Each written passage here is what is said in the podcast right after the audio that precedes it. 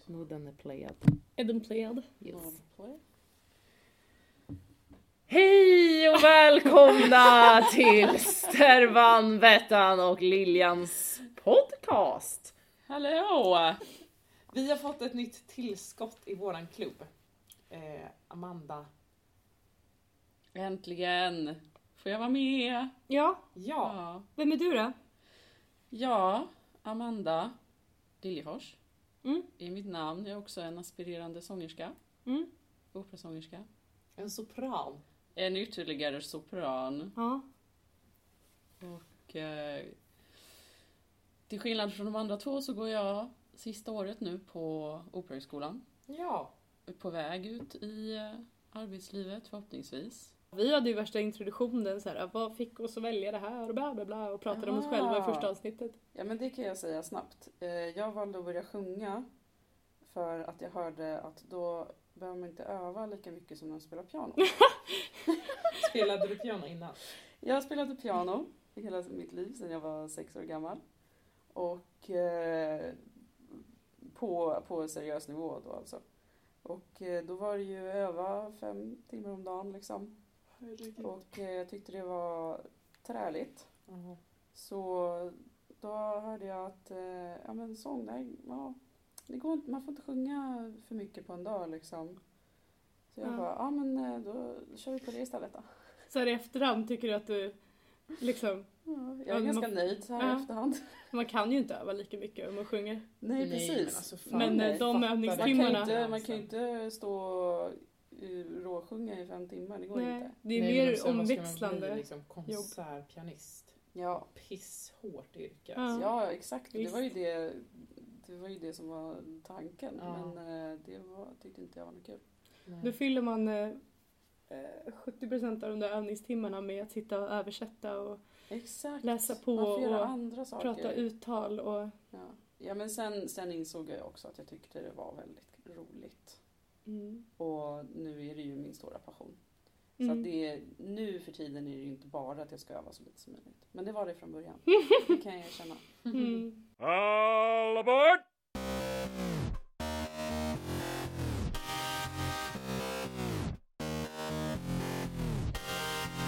Vi sitter här och myser i um, Operahögskolans eh, studentvåning. Med lite kaffe och jordgubbar och kakor. Ja. En regnig söndag eftermiddag. Mm. Ja. Härligt. Det var ju ett tag sedan vi poddade nu. Verkligen. Men det har varit ganska kul för att tanken från början var ju egentligen att ni två, alltså Amanda och Sterby skulle podda tillsammans. Mm. Ja just det, det var ju faktiskt nästan min idé från början va? Nej, jag skulle, jag skulle vilja säga att det är min idé. Okej, det var våran idé. Ja, det var vår idé.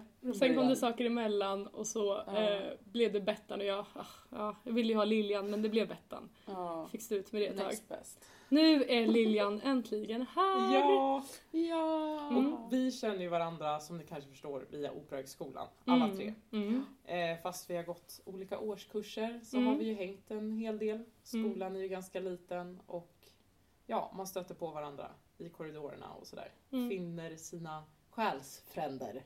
Ja. Och Lilian Liljefors, du är ju sopran och du, vi är ju samma typ av sopran. Ja, det är vi. Vi sjunger väldigt mycket samma repertoar. Mm. Eh, Exakt samma repertoar. ja, och vi spelade in musik i tisdags Ja. tillsammans. Och då kommer vi och har två eh, väldigt, alltså, alltså vi har nästan likadana klänningar på oss. Ja. De är blåa, det är samma modell och de är blommiga. ja. Och så här blå, blå omlottklänningar. Sådana som täcker axlar, täcker knän, Ja. är lite diskreta men ändå snygga och kvinnliga och flickiga på samma gång. Ja, Ja. ni vet. Och så sjunger vi samma repertoar, Ja. fast varsin aria bara. Ja. Samma roll. Ja. Så det finns ju en, man skulle kunna tänka att vi var konkurrenter, men vi väljer att inte se det så. Mm. Wow! Eller är det så att ni är frenemies? Nej. Nej, nej! Alltså, Absolut inte. nej, ver- nej. Som försöker skapa drama. Nej men vi Du försöker skapa Ja. drama ja. Du, du, som vår sånglärare sa när han, han tyckte att vi skulle ha lektion tillsammans och sen sa han först där För ni är vänner va? Eller, eller känns det jobbigt med konkurrensen? Och jag Ja. bara, men nej sluta. Ja, det Ja, är det så- Vi går ju alla för samma sångpedagog också. Ja, det gör vi. Ja. Ja men det är roligt, det är roligt att det känns, jag liksom hade inte ens tänkt på det Nej. innan. För det är så här, jag tycker, vi är vänner och så sjunger vi typ samma, liksom, Mm. ja det är väl jättekul. Ja. Och liksom aldrig ens tänkt på att vi skulle vara konkurrenter förrän eh, vår lärare då sa det också till mig. Bara, men, hur känner du med Matilda? Är, är, det liksom, är ni mer konkurrenter eller mer vänner? Mm. Jag bara, vadå konkurrenter? Ja. Det är så här, ja absolut på ett sätt att vi, går vi på auditions och söker roller, då kommer ju det vara samma roller. Mm. Och då är det liksom, får någon av oss den, då är det klart att den har fått någonting som den andra inte har fått. Men det är ju liksom då, vi skulle ju bara bli glada för varandras skull. Ja. Eller jag känner i alla fall att jag skulle inte missunna dig någonting. Nej. Nej men jag känner likadant och det kanske har med att göra att ett, och det blev ju ännu tydligare i tisdags då när vi sjöng för varandra och spelade in ehm, att vi har ju väldigt olika, även om vi sjunger samma repertoar och liksom ser likadana ut med lite, lite längdskillnad och är liksom i samma, samma plats i livet och karriären och liksom ålder och så, så är det ju ändå så att ehm, vi har väldigt olika typer av röster och väldigt olika sätt att sjunga på. Mm. Så att, ja, det är ju skönt. Mm. Vi är vänner helt enkelt. Det är ingen dålig stämning här bara så att ni vet det, ni som lyssnar. hade ju också varit lite jobbigt att ta med Liljan i podden om det var dålig stämning mellan er.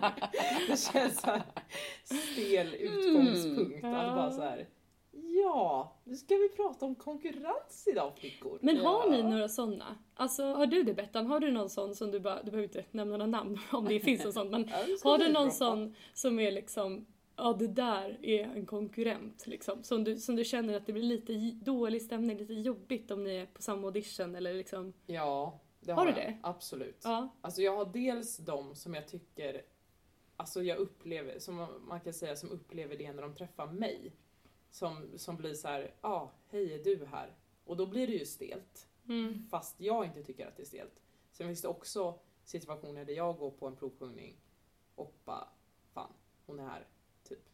Mm. är Jo, kört. men, men är det liksom ömsesidigt att ni är enemies då? För att, Nej, jag har ingen sån där riktig enemy på det sättet. mm, Nemesis.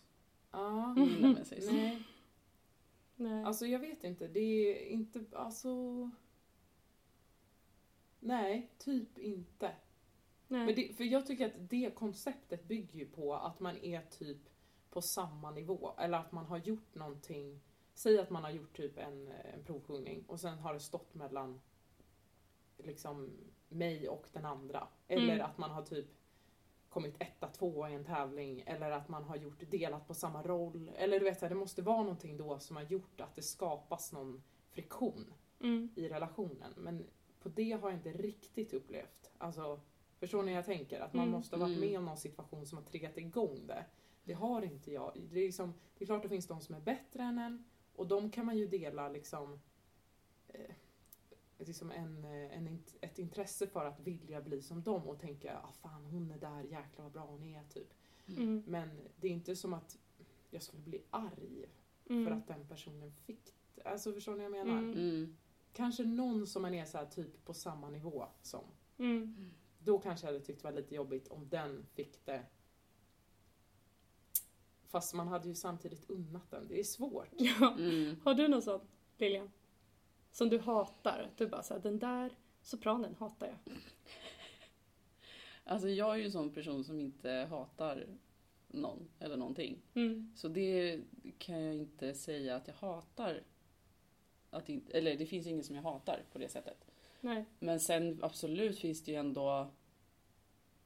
ehm,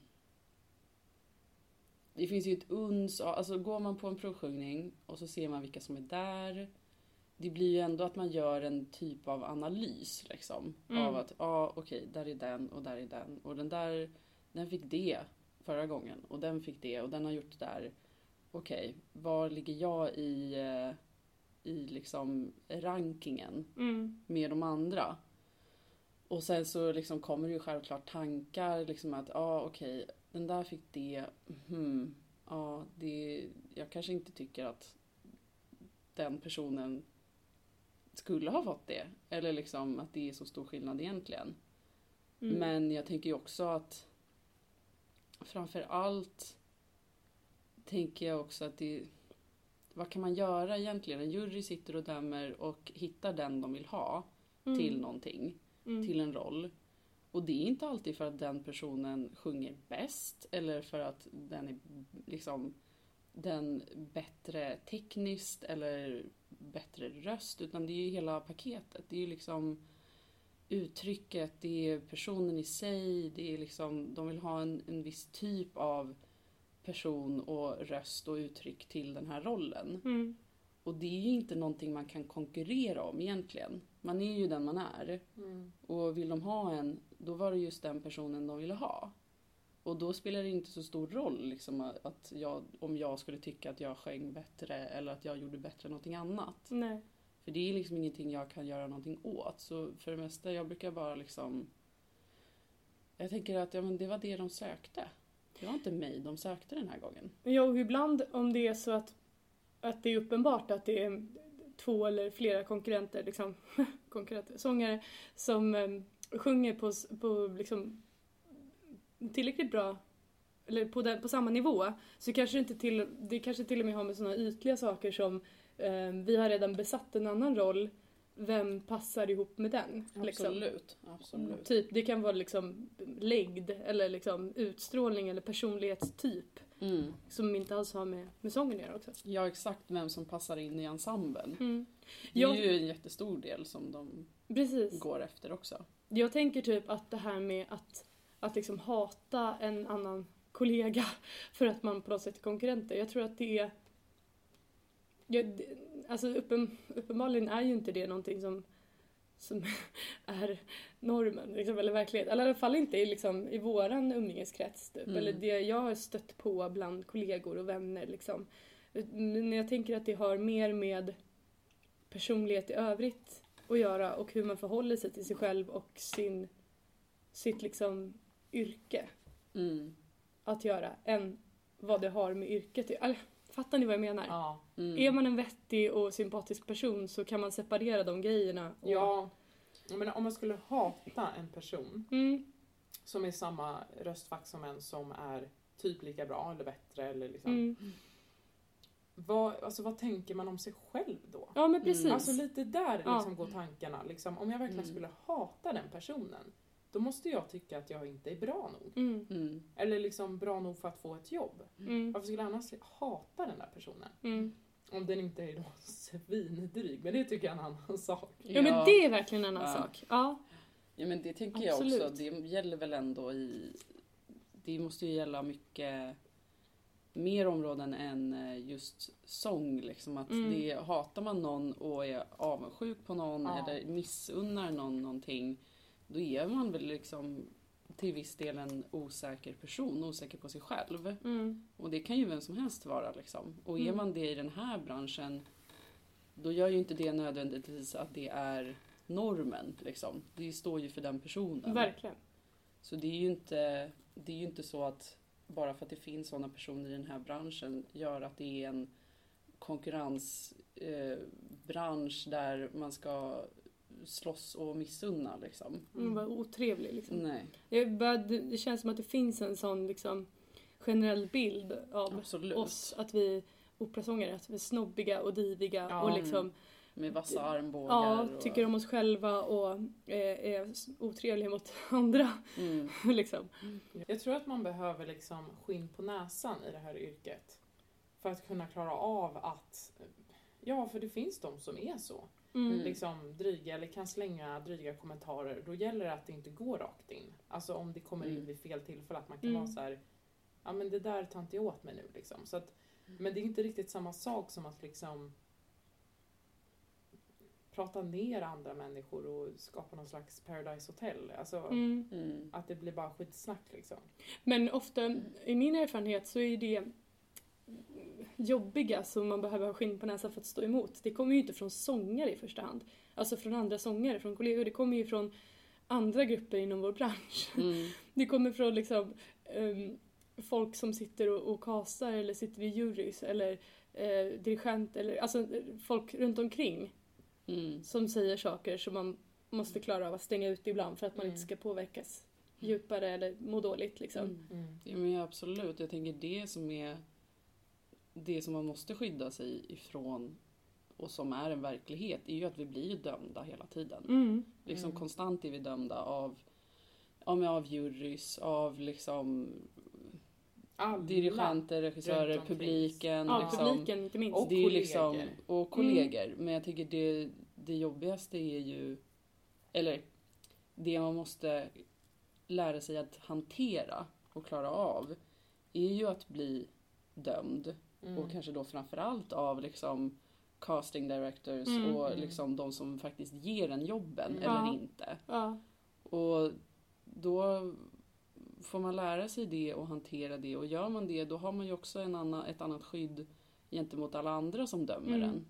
Och det är Och- ju en mm. verklighet som vi lever med Mm. och då, då blir det man måste hantera det bara. Ja. Och då liksom om man inte låter det gå rakt in, ja, men då klarar man av väldigt mycket. Mm. ja, och att... Och då behöver man inte tracka ner på någon annan heller. Nej, precis. Exakt. Och för jag tänker typ, när man får, jag brukar sålla i mina liksom, kommentarer jag får från, alltså får jag kommentarer från publiken så tar jag det positiva. Och det negativa kastar jag bort. För jag tänker, jag får så mycket kritik ändå. Ja, så vad fan. Ja. Man behöver inte ta allt. Nej. Eh, men Yeet! Måste inte liksom tillfredsställa alla på tredje Nej, bänkraden. Liksom. exakt, och då Ja. tänker jag så här. Eh, vilka litar jag på? Mm. Jag litar på min sångpedagog, jag litar på mina vänner alltså Mm. i branschen. Jag litar på eh, typ om jag kanske jobbar med någon dirigent eller någon jag klickar med, så här, någon instuderare eller någon pianist. Så här. De kan jag komma då med de här frågorna. Du, jag fick den här kommentaren av någon. Det kan vara Mm. vem som helst, det behöver inte vara någon från publiken, det kan vara någon från ja, men typ en provsjungning, någon casting director. Är det något jag behöver tänka på? Eller vi kan bära med oss det under den här Mm. lektionen. Eh, då tar jag det på allvar. Och så då tänker jag att resten är lite skitsamma. Mm. Och ibland så tänker jag så här. Okej, har jag det tre gånger, då, då är det på riktigt. Mm. Från Mm. olika personer.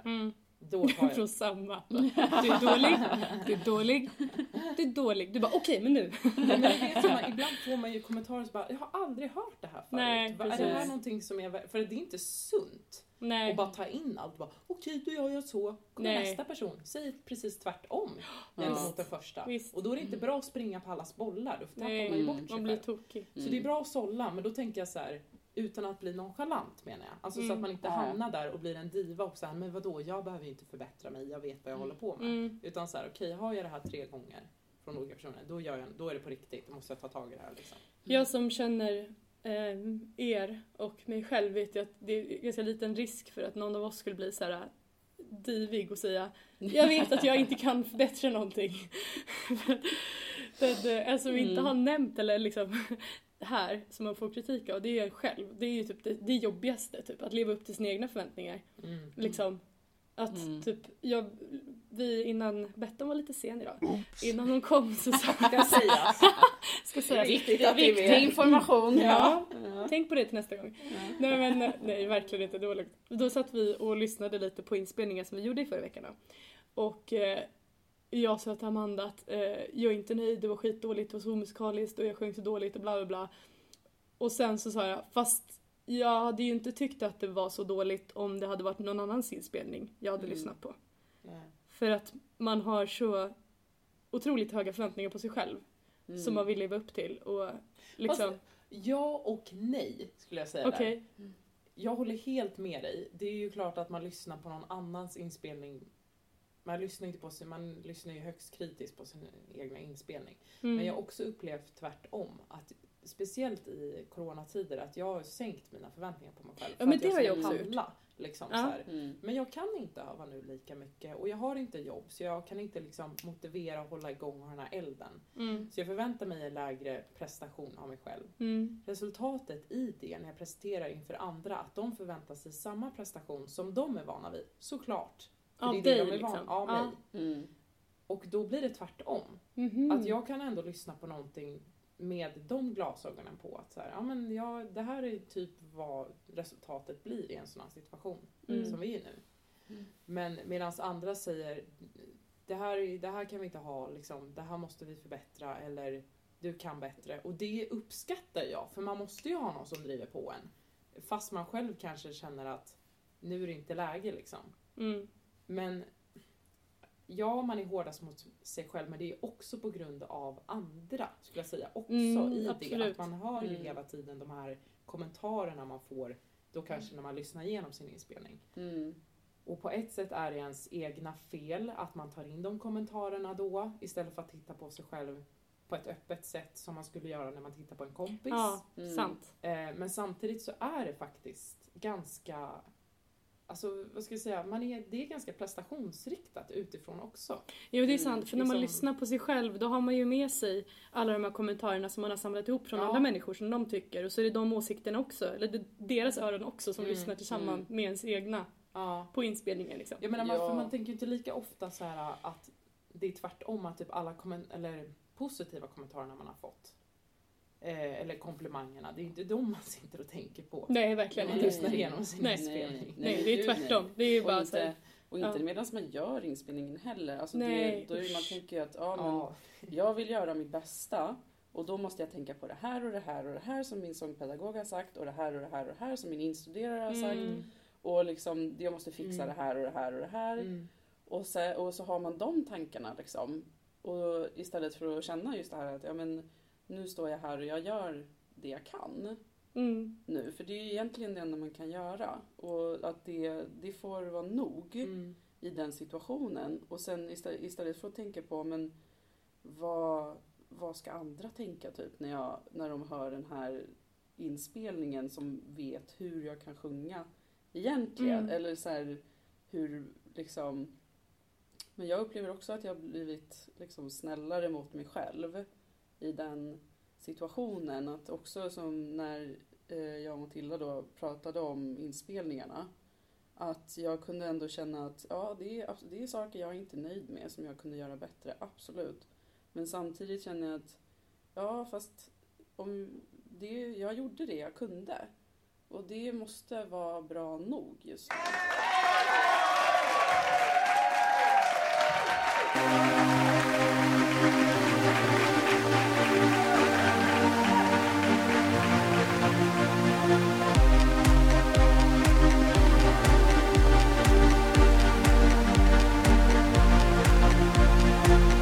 Men då tänker jag att vi kanske kan presentera det som vi tänkte skulle vara temat för den här podden, nämligen att vi ska prata lite om inspelningar och streaming och ja, men sätt att nå ut. Ja, och digitalisera Digitalisering, världen av ja. opera. Liksom. Ja. Och som Ja. har, som har liksom eh, fått skynda på lite nu och liksom starta, starta lite i, i förtid i och med corona. Ja. Mm.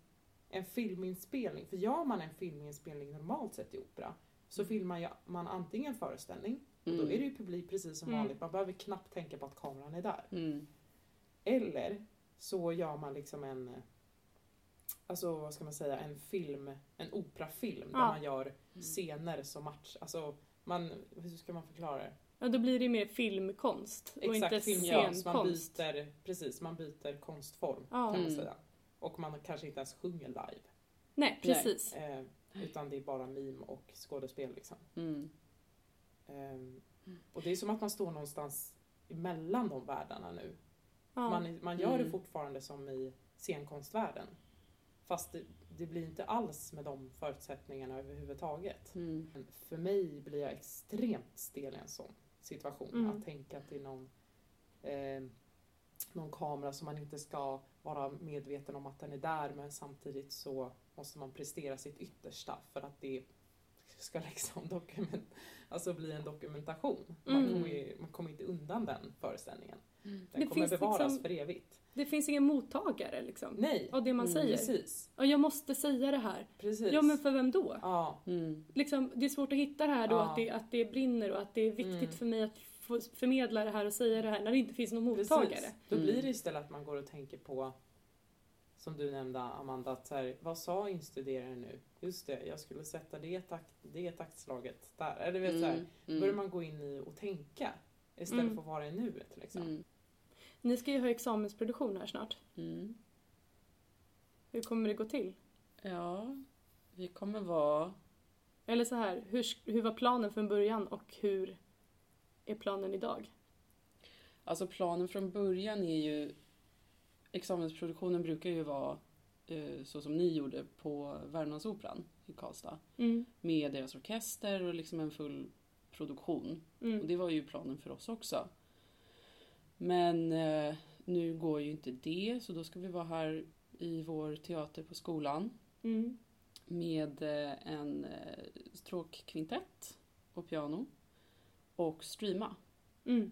Och eh, ska väl försöka göra en så full produktion i övrigt som möjligt med eh, kostym och sceneri och, och mask och alltihopa. Men, eh, och det är väl där man kommer liksom till den här kärnfrågan hur man möter publiken när man inte kan vara i samma rum Mm. som publiken. Och då som det kommer bli för oss eh, via streaming. Hur når man ut och hur får man någon typ av kontakt? För det är väl det som jag tänker är en så springande punkt i det här att det vi gör är ju byggt på kontakten med publiken. Mm. Man står på scen och känner sig liksom som att man når ut. Man möter publiken. Eh, Och ser dem och liksom känner att man ger dem någonting. Och får otroligt mycket tillbaka. Ja, precis. Det är Mm. just det att det känns som att det som händer i rummet, det skapas liksom Publiken är en variabel, det är en del av föreställningen. Ja. Det är publiken och de på scenen och i diket och runt omkring bakom scenen. Det är alla vi tillsammans som skapar det som uppstår där och då. Mm. Och tar man bort någon variabel så blir det blir inte samma sak. Mm. Jag skulle typ säga att publiken är nästan som bränslet Absolut. Mm. i föreställningen. Ja.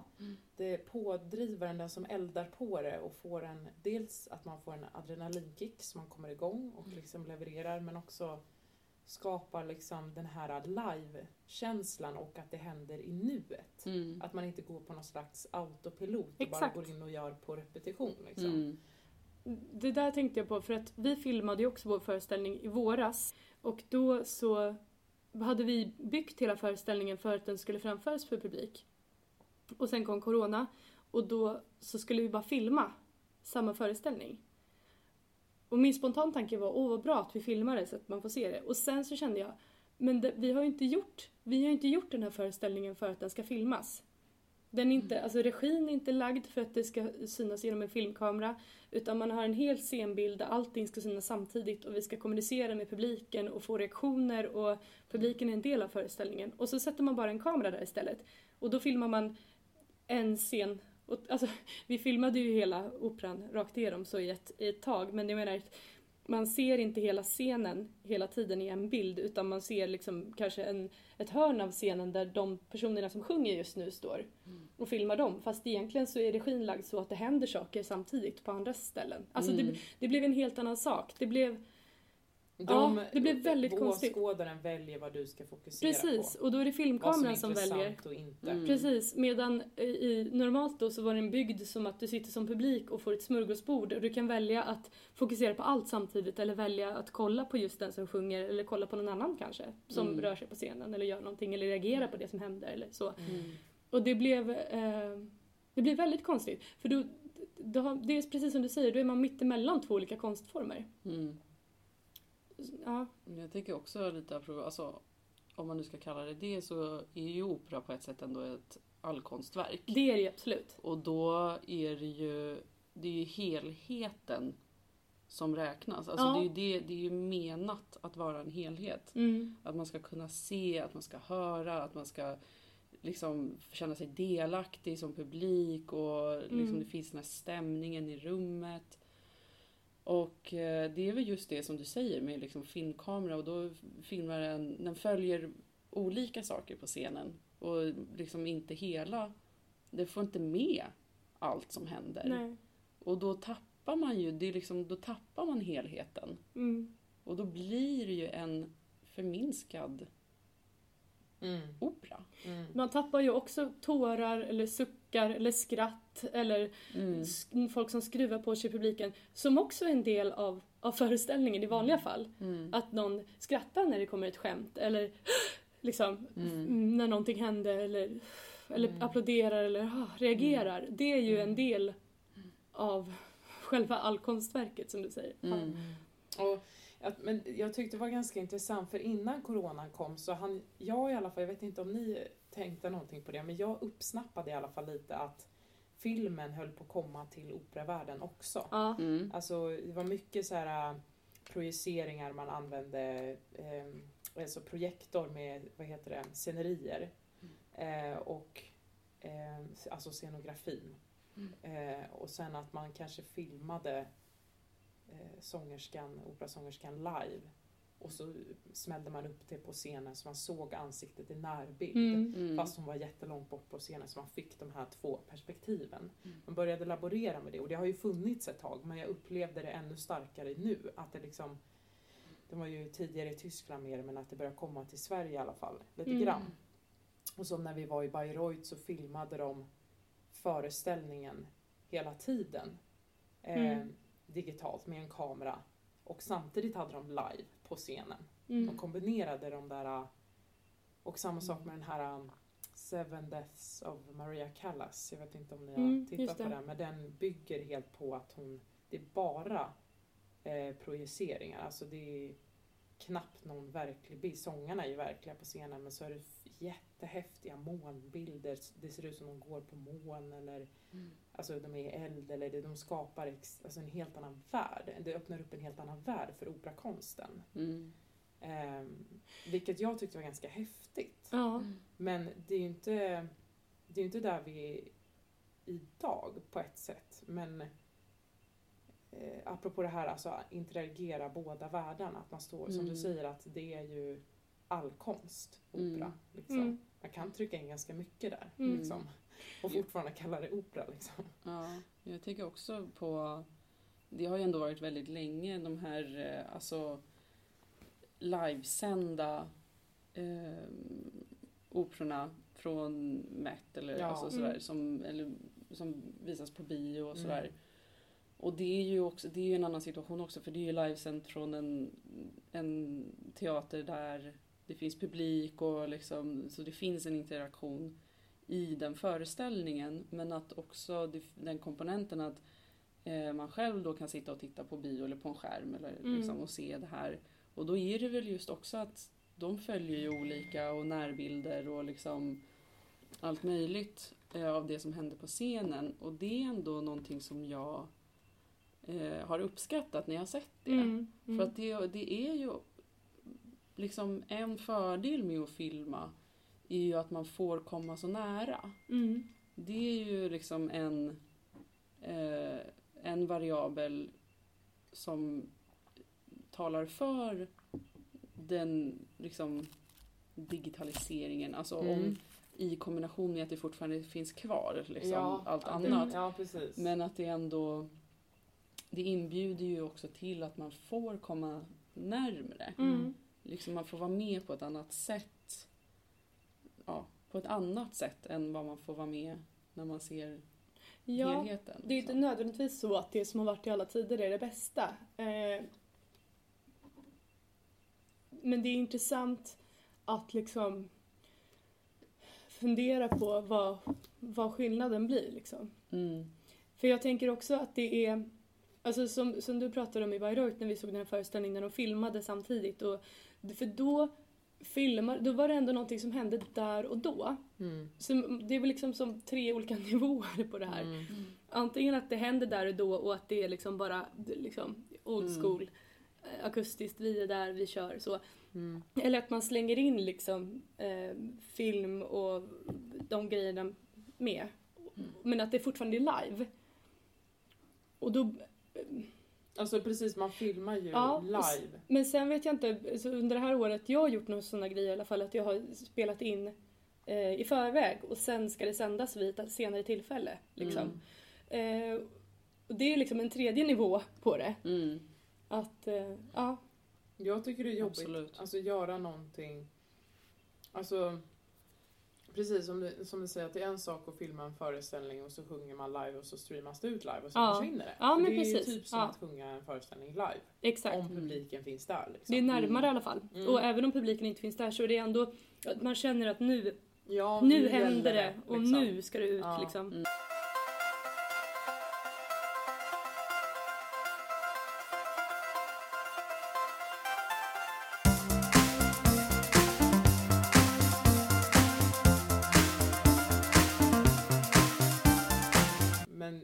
Jag tycker absolut svårast det är ju de här äh, inspelningarna som man gör. Eller för att det ska liksom vara ditt allra bästa. Men det tycker jag är så svårt för att det är någonting som jag känner är ett, vad ska man säga, det är samma typ av prestation som du går in gör en provsjungning. För du ska ju gå in och leverera ditt bästa där och då. Mm. Mm. Men det är helt andra förutsättningar Mm. och jag kopplar inte någonting till en provsjungning. Nej, inte heller. Alltså mentalt.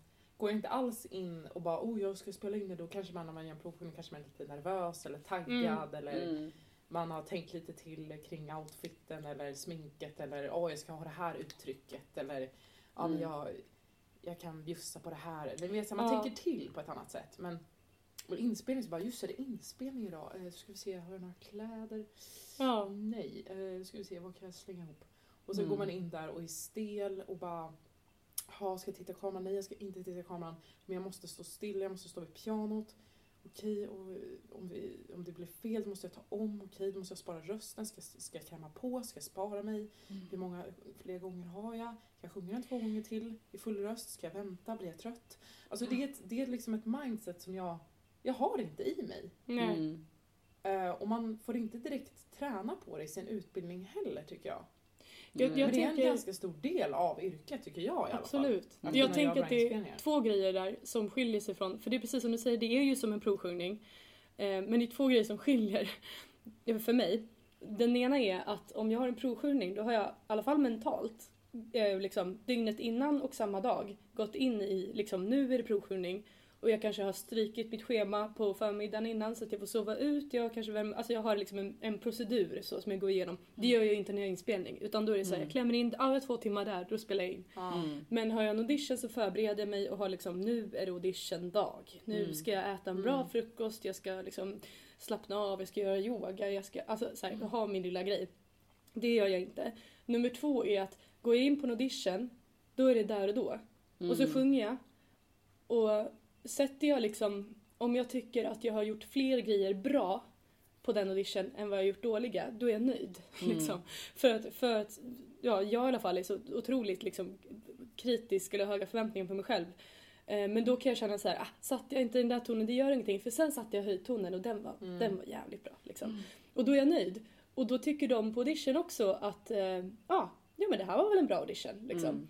Men skickar jag en inspelning, då direkt, då måste allt vara perfekt. Mm. För att då vet både jag och de som ska lyssna på den att man har en möjlighet att om du inte är nöjd så kan du göra om det. Mm. Och sen kan du göra om det igen och igen och igen och igen. Så när man väl skickar den så är det som att man måste stå för varenda ton och varenda ord och varenda liksom liten detalj, uttryck i den inspelningen. Mm. Så att om jag då skulle sjunga lite, äh, lite dåligt där men sen satte jag höjdtonen. Mm. Då vet jag att det är inte bra nog, det måste vara perfekt. Och de som lyssnar på det tänker, men varför gjorde hon inte en till inspelning då? Hon måste ju vara nöjd med den här dåliga tonen som hon sjunger borta eftersom hon, upp, hon, hon skickar ju den versionen till oss. Mm. Om hon inte var nöjd så hade hon kunnat göra en ny. Men som du säger så har man ju liksom inte 20 tagningar i sig Nej, utan man, Nej. man borde ju egentligen behandla en inspelning som en audition. Ja. Förbereda sig innan, köra hela Ja. proceduren, gå in, sjunga en gång, gå ut Ja, och sen ja. vara nöjd om man satte liksom Men det jag, viktigaste. Så. först, alltså första gången jag spelade in, spelade in i eh, tre arior, det tog typ fem timmar. Ja. Mm. Och jag var helt slut och jag var chockad över det. Mm. Och jag fattar ju, de som spelade in var ju typ så här. Ja den där setten, vi tar om det istället, vi tar om det istället, vi gör det. För det var bara ljudinspelning, Mm. det var inte film. Alltså när man har bild med så är det ju viktigt att det är ett sjok. Det Mm. kan vara svårt att klippa så. Om det inte ska synas och det brukar inte vara så fördelaktigt att det syns att man Nej. inte kan göra en tagning. Exakt. Om det inte är något speciellt som ska till liksom. Mm. Mm. Men eh, så vi tog ju om hur mycket som helst hela tiden. Och till, jag, till slut fick jag bara säga, jag har en tagning till i mig. Liksom. Mm. Sen, är tar det resten slut. Liksom. Mm. Och alltså, att ladda om, nu, sen har jag gjort inspelning med bild också och då är det uttryck. Och ladda om uttrycket, Mm. enormt svårt. Mm. Mm. Och bara, då tar vi en gång till och man bara, Mm. ja. Ska man Ja, försöka men- hitta Ja. tillbaka liksom? Ja, det är ju det, det, är det som också är, jag menar det vi vill göra och det vi gör när vi sjunger är ju att kommunicera. Mm. Och det är ju jävligt svårt att kommunicera utan att ha någon att kommunicera till. Exakt. Och det, det tycker jag också är skillnad mellan liksom audition och inspelning. För även om det är en audition och man vet att ja, de sitter där för att bedöma och liksom sådär, det är ändå människor som jag kan kommunicera med. Mm. Mm. Och just det här också att, som du sa Matilda, att det, är, det händer där och då. Det, Mm. Man har förberett sig, man går in Mm. och vet att nu jag har en chans. Och sen går det som det går. Ja, Och precis. då, men om man då går ut därifrån, antingen om man tycker det gick jättebra eller om det gick jättedåligt, då är det över. mm. Det är borta. Det, är liksom, det, det finns ingen dokumentation, det finns liksom inget, det, det hände bara då och sen är det liksom inte kvar. Medan en inspelning, den måste man sätta liksom perfekt och gör man inte det då är det inte kul och sen ska man skicka iväg det och det finns kvar för alltid. Den liksom, då, då skickar man iväg den till en tävling, ett operahus, en agentur. Eh, då har de den.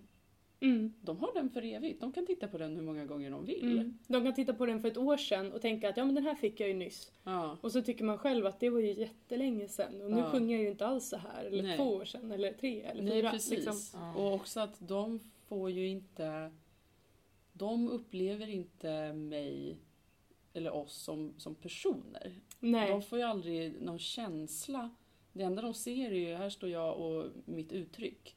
De hör inte, liksom på en audition kommer man in och säger hej, jag heter Amanda, jag vill sjunga det här och liksom, Mm. där ser de personen. Mm. Men det gör de inte på en inspelning. Så det blir ju också lite sådär avhumaniserat på ett sätt. Att här, här har vi en produkt som de ska bedöma. Ja. Kan vi använda det här? Liksom? Ja det blir nästan som det här äh, sjung bakom en skärm. Liksom ja. så. Fast det tycker jag typ är bättre. Ja, alltså jag vet jag vet sjutton alltså. Jag tycker typ det är en, hellre det, live alltså. Sjunga bakom en skärm på en audition. Och det tycker inte jag. Än att skicka in en inspelning. Ja, än att skicka in en inspelning. Ja, Ja. men liksom generellt. Jo men för då är man ändå där och liksom känner så. ja. Men, eh, men det är... mm, För mig i alla fall så... Det viktiga med att ha juryn där, eller publiken, eller människorna där som jag sjunger till. Det är också för att jag känner att det, det är jag, det är hela jag. Det är inte bara min röst, utan det är Nej. hela jag. Som, Ja. och, och också med det här som du pratade om i början Amanda, att, att man, man kastar ju inte man kastar ju inte bara en röst, utan man, man Nej. kastar hela liksom, Hela paketet. Ja. Och, och det hela paketet får man ju inte bakom en skärm, man får inte heller hela paketet via en video. Alltså inspelningar generellt. Vad finns det för problematik med det? Förutom det här. Alltså liksom Mm, ja. hur... Liksom, vad vinner vi på det och vad förlorar vi på det? Inte just vi som sångare men liksom generellt. Som bransch. Som, ja, som bransch. Mm. Att digitalisera. Att eh, skicka in inspelningar istället för att komma dit. Alltså det blir väldigt mycket mer, jag gjorde en konsert i höstas och då var det eh, fortfarande 50-regel. Så då var det 50 pers i publiken som satt där. Men den sändes ju också, streamades live. Ehm, och då vet jag att det var fler som kollade på den på streamingen än vad det fick plats människor i det konserthuset. Mm. i vanliga fall. Så det är ju en sån typisk fördel, positiv grej. Nu var det också ett konserthus med bra liksom, eh, inspelningsteknik, alltså så, man får- får hela ljudbilden, man får liksom bra, bra produktion helt enkelt. Mm. Så det var ju väldigt positivt, att det når ut i stugorna så att säga Mm. och sprids till en större publik än det hade gjort om det bara hade tagit plats ägt rum just där och då. Mm. Dels för att det kanske känns mer lättare, lättillgängligt för, för människor som inte går på opera i vanliga fall eller går på klassiska konserter. Eller så. Det kanske är lättare då att bara liksom sätta på en länk och sitta hemma tryggt i sitt eget vardagsrum än att gå till ett hus där man kanske känner en osäkerhet för hur man beter sig eller vad man ska på sig för det finns fördomar om sånt liksom eller att man inte känner sig välkommen eller liksom så. Så det är ju en väldigt positiv grej med att man kan nå ut till en större och en ny publik. Ja, Mm, absolut. man kan utforska det i lugn och ro. Liksom Ja. hemma Precis. på sin kammare utan att behöva, som du säger, nå upp till andras förväntningar eller sina egna fördomar för den, alltså, för Ja. den delen. Att Ja. vi kommer till publiken och att publiken inte måste komma till oss för Mm. att få ta Ja. del av. En dålig sida av det är ehm, när vi inte pratar om institutioner eller så, liksom, utan om, om vanliga eh, kulturarbetare på liksom, egenföretagarnivå eller frilansare så kan det bli så att de som är bäst på tekniken och bäst på att hantera det här nya formatet är de som når igenom bruset. Och eh, att det är många som liksom hamnar utanför Mm. för att man inte har eh, liksom, möjligheten att göra eh, bra eh, produktioner. Eller liksom, ju ja, man kanske inte pengar. har tekniken Ja. eller kunskapen eller liksom intresset eller jag vet inte. Ja. Massa olika saker. Eller möjligheterna för att, att kunna göra någonting, producera någonting som är, som är någonting nytt. Som inte handlar om att du bara ska kunna stå rakt upp och ner och sjunga eller spela utan det handlar om att du ska kunna liksom, hantera formatet. Det är det jag tycker som är intressant att liksom operakonsten eller den klassiska världen beror inte på samma sätt av teknik som andra genrer gör. nej. Liksom, bara så generellt, Ja. att man behöver inte kunna veta hur man ska hantera mikrofon eller Mm. ett surroundsystem eller ett PA-system eller ett mixerbord. Det ingår inte i vår utbildning att läsa ljudteknik eller medieproduktion. Liksom. Mm. Eh, Men likväl hanterar vi ju det i vår vardag Ja. hela tiden. Ja, Eh, Men lite, Ja, lite inte- motvilligt inte ibland. då, inte just Nej. mixerbord men eh, Ljusbord. alltså, Ja. jag menar skulle Kameror du och mixa mikrofoner. dina egna Ja. filmer till exempel, Mm. Inspelningsfilmer, då ska du ju ändå pilla in och försöka hitta ett bra ljud som eh, simulerar din röst i verkligheten och sådär så att det Mm. inte blir för platt eller liksom, det kan ju vara sådana grejer också. Ehm, och de som ni säger, de som är bra på det kan gör, göra sin röst till exempel ännu fylligare eller större än vad den är i verkligheten. Ja. Så man kan ju Mm. mixa hur mycket som helst med det där. Mm. Man skulle nog till och med kunna göra en karriär som det. Mm. Mm. Alltså om man gör det riktigt bra. Som en liksom. digital artist. Ja men lite så. Ja. Det finns ju många studiomusiker liksom. Mm. Som jobbar inte så mycket live men de spelar in mycket och så. Mm. Det tror jag som sångare man skulle kunna göra, absolut. Mm. Men eh, det jag tycker är så intressant att det finns ju ändå behovet av det. Att man liksom, ja men till exempel att man har orkester på länk. Mm. För att det blir billigare. Att Mm. de inte behöver turnera runt. Mm. Eh, Det kostar jättemycket pengar att ha er orkester som ska bo liksom på olika ställen, ställen och sådär. Men även att man, eh, jag tror att operakonsten hade, alltså det hade varit intressant att se om man tog till sig eh, alltså så här, ännu mer typ. Mm. Alltså vad händer eh, om man liksom... Det är klart att det handlar jättemycket om ekonomi såklart. Mm. Eh, för det kostar ju skitmycket att anställa ett bra produktionsteam och skitbra kameror och inspelningsutrustning och att ta upp en orkester Mm. är ju inte alls samma sak som att ta upp liksom ett band som Nej. är linade in i ett ljudkort. Mm. Alltså det är ju helt andra liksom, tekniker som ska till. Och det är också helt olika eh, utrustning och inspelningsteknik eller produktionsteknik som, som ska till för att ta upp en, en popsångare Mm. Mm. och en operasångare. Och, eh, där, alltså, och alla olika typer av röster på det spektrat. Att en, någon som sjunger live och akustiskt, eh, liksom olinat. Ehm, och har man en liten röst, precis som du säger, så kan man göra den större. Mm. Har man en för stor röst så försvinner eh, färger och klanger Mm. och liksom sånt på inspelningen som kanske Mm. hade hörts live i rätt lokal. Mm. Mm. Ja, för det känns ju som att om man skulle fråga de flesta liksom popsångarna eller liksom, ja, då skulle de nog vinna mycket på att använda liksom eh, effekter, ljudeffekter. Mm. Mm. Alltså på en konsert till exempel. Jag vet inte, alltså jag tror inte att det är jättemånga som bara Inget reverb, jag vill inte ha någonting överhuvudtaget. Nej. Det ska Mm. helst vara stumt. Eh, Ingen pitch correct. eh, vi vill inte ha någon kompressor. Nej, Eh, precis. Så att, bra, det blir bra, toppen. Mm. Alltså det Mm. finns ju ingen som gör det. Nej. De alla Nej. skulle ju lägga på allt så mycket som möjligt liksom. Mm. Mm. Eh, och man har ju själv gått på live tusen gånger och tänkt Oj, det där lät inte som på inspelningen. Mm. Medan vårt sätt att sjunga är anpassat för att inte använda någon teknik överhuvudtaget. Alltså, vår, vår sångteknik Ja, alltså yttre teknik. Ja. Ja men alltså, yttre teknik. Någon sån där liksom reverb eller så. Utan vi, är ju liksom, Ja. vi har utbildat oss och övat oss för att kunna sjunga live eh, och akustiskt. Mm. Utan hjälpmedel. Ja. Det är det, vår, det, är det grejen i vår, ty, vårt sätt att sjunga liksom Mm. går ut på i grunden. Mm. Mm. Så det är ju tvärtom där. Precis. Mm. Alltså jag tänkte på det du Matilda sa tidigare, det här med liksom att vissa som är duktiga på det här kan nå ut och Mm. det behöver inte nödvändigtvis betyda att det är en bättre sångare eller liksom en, den Mm. kanske har bättre möjligheter Ja. att nå ut och ha bättre inspelningsutrustning eller bättre kunskap.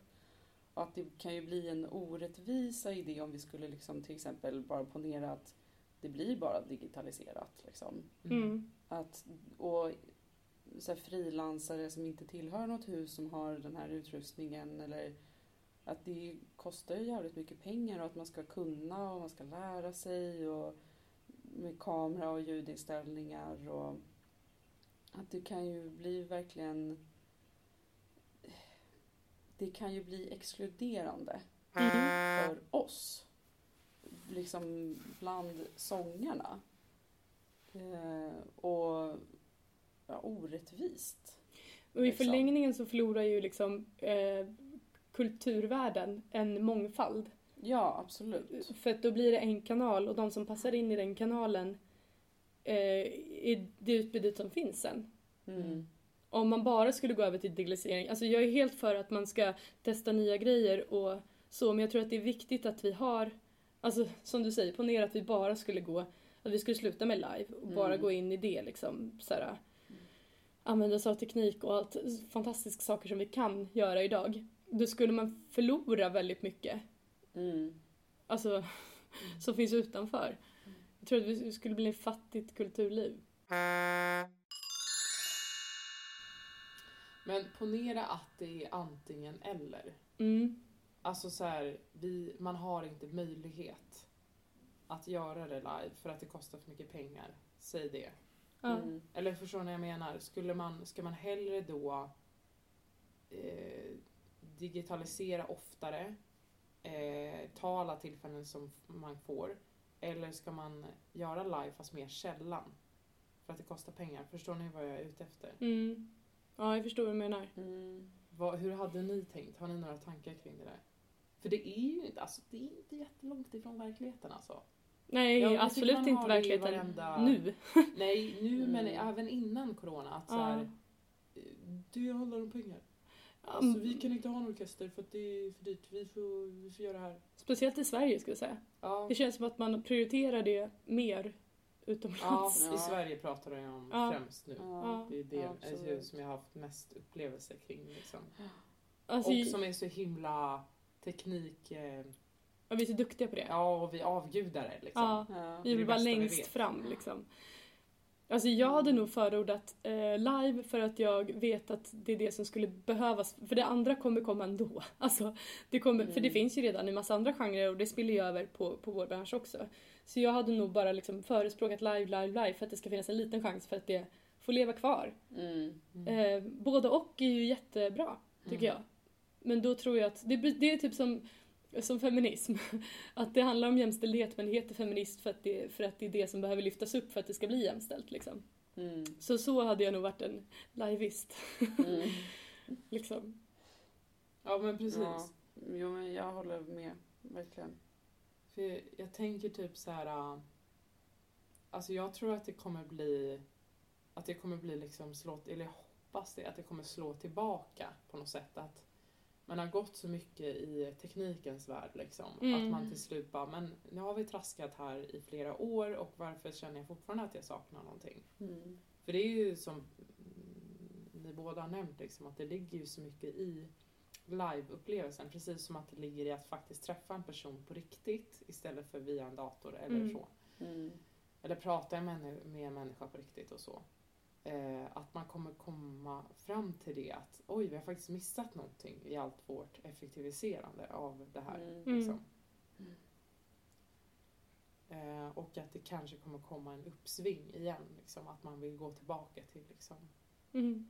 inte bara med corona liksom, men det känns ändå som att det liksom var på väg innan. Corona satte bara massa eld på det liksom.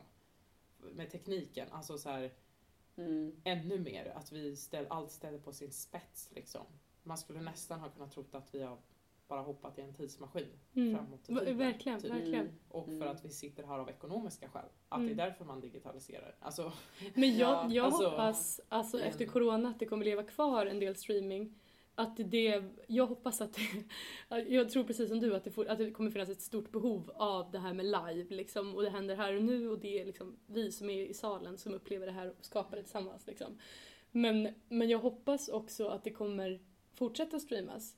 Precis som, nu vet jag att eh, en eh, kompis eh, som ni också känner, ja såklart. Men eh, ska ha en föreställ- eller hade en föreställning och jag vet att de spelade för publik om en, om en liten. Och så skrev jag, men det måste ju streamas så att jag kan få kolla. Mm. För att jag, nu så utgår man ifrån att saker och ting streamas.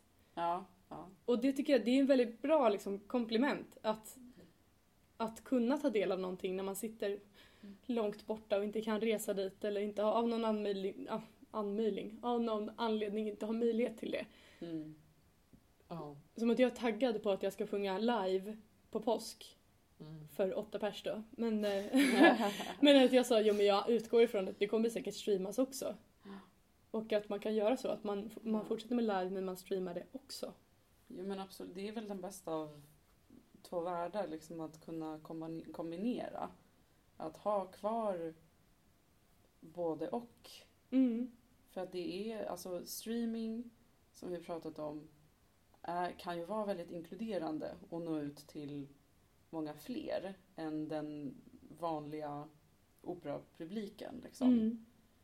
Men de måste ju också få komma till huset och se, eller alla som vill måste kunna komma och vara där live och även för våran skull. Jag menar, Ja. hur, hur kul är det, alltså, eller jag tycker så här, vill jag, jag älskar att sjunga och jag vill jobba som operasångerska men om resten av min karriär skulle vara i det här formatet, aldrig träffa publik, bara sjunga till en kamera, då tror inte jag att jag vill göra det. Nej. Och då, då, om det är fler än jag som känner så, då kommer ju hela yrket falla. Då faller Mm. hela operavärlden liksom. Mm. Och så jag tänker för våran överlevnads skull måste vi få kunna ehm, göra saker live. Ja. Men då att kombinera det med streamingen och inspelning, det vore ju jättebra.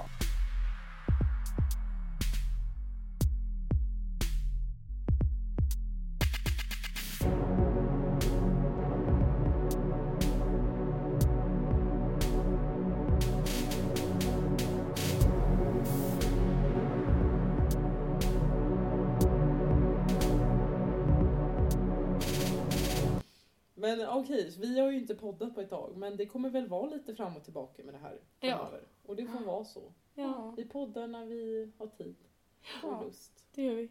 Och, Ha det så gött. ja, kul att ni lyssnar. Glad påsk. Ja, Glad påsk. Glad Får vi påsk. säga till alla. Ja. Det ska vi göra. All aboard!